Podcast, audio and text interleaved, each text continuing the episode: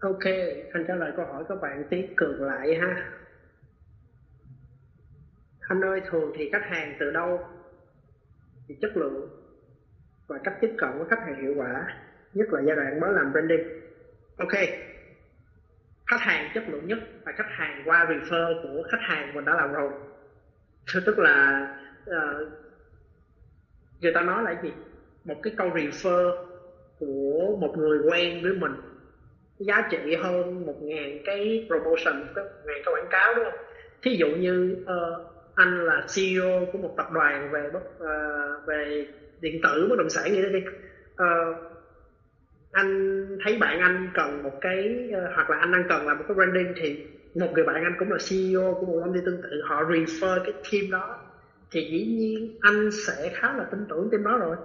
Tại vì được bạn mình refer mà có một cái người xác thực hay không? Tức là tức là cái quy tắc là cứ có một người đã xác thực rồi thì mình sẽ tin tưởng hơn.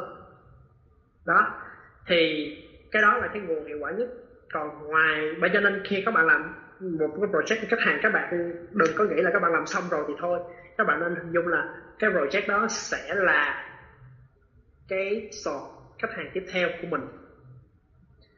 Rồi, cái thứ hai á, thì nếu mà ngoài ngoài cái nguồn đó ra, thời gian đầu mới làm branding mà chưa có khách hàng refer á à, anh vẫn thấy Behance là một kênh rất là hiệu quả. Phần này chắc Huy cũng nói khá là nhiều qua lớp cũng như trong cái uh, những cái vlog rồi.